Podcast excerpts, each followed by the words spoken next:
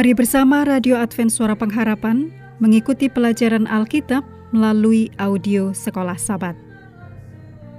Selanjutnya kita masuk untuk pelajaran hari Senin tanggal 21 Agustus. Judulnya Berjalan sebagai Anak Terang. Mari kita mulai dengan doa singkat yang didasarkan pada Titus 2 ayat 12. Supaya kita hidup bijaksana, adil dan beribadah di dalam dunia sekarang ini. Amin.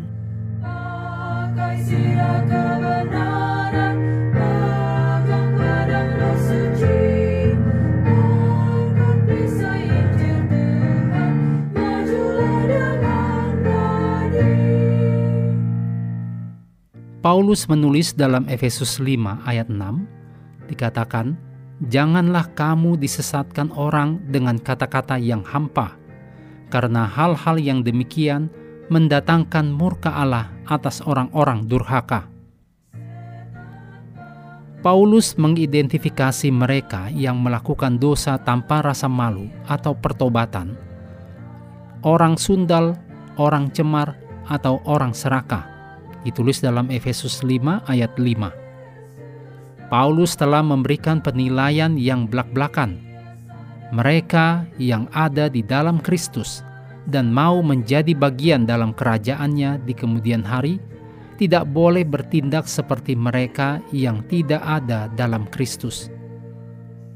Demikian ditulis dalam Efesus 5 ayat 5. Paulus peduli tentang efek dari kata-kata hampa yaitu orang percaya bisa tertipu oleh bahasa yang tegas untuk berpikir bahwa dosa seksual bukanlah hal yang tabu, atau bahkan mungkin terseret ke dalam dosa-dosa semacam itu. Ditulis dalam Efesus 5 ayat 6. Paulus memperingatkan, bila menjadi begitu diperdaya, perhatikan penghakiman Allah di akhir zaman, yaitu murka Allah atas orang-orang durhaka. Demikian ditulis dalam Efesus 5 ayat 6. Ungkapan murka Allah adalah ungkapan yang menantang.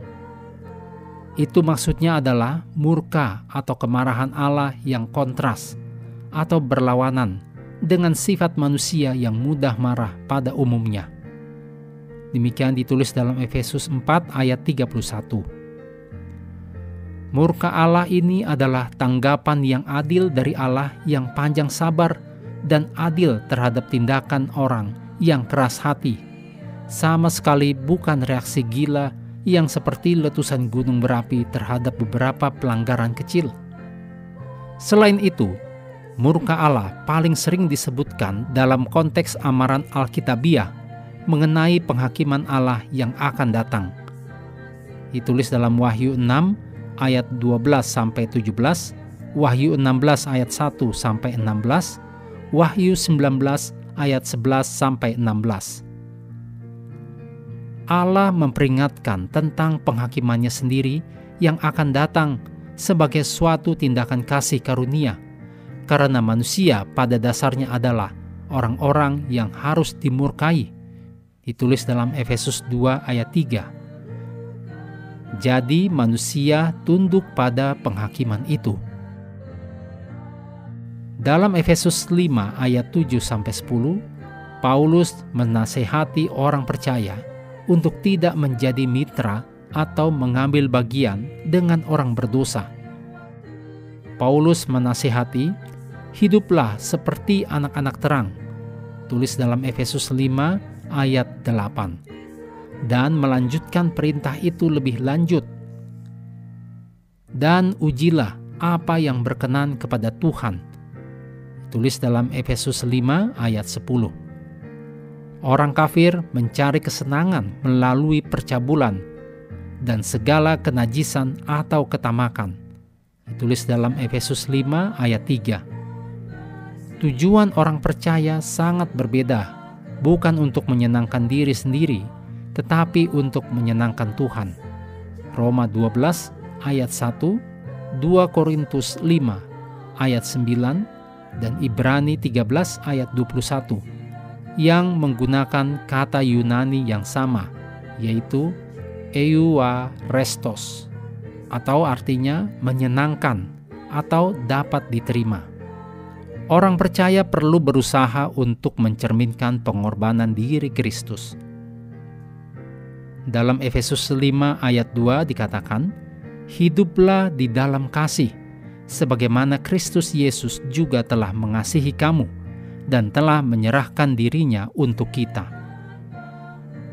Renungkan apa saja perkataan kosong yang perlu kita waspadai di zaman kita sekarang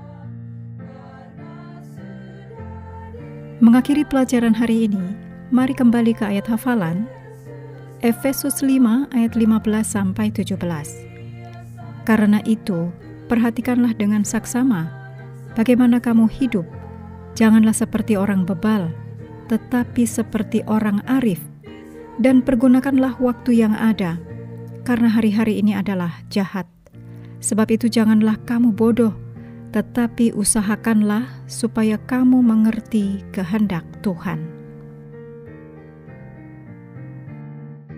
Kami terus mendorong Anda bersekutu dengan Tuhan setiap hari, bersama dengan seluruh anggota keluarga, baik melalui renungan harian, pelajaran sekolah sahabat, dan bacaan Alkitab sedunia, percayalah kepada nabi-nabinya, yang untuk hari ini melanjutkan dari Mazmur pasal 107 Tuhan memberkati kita semua.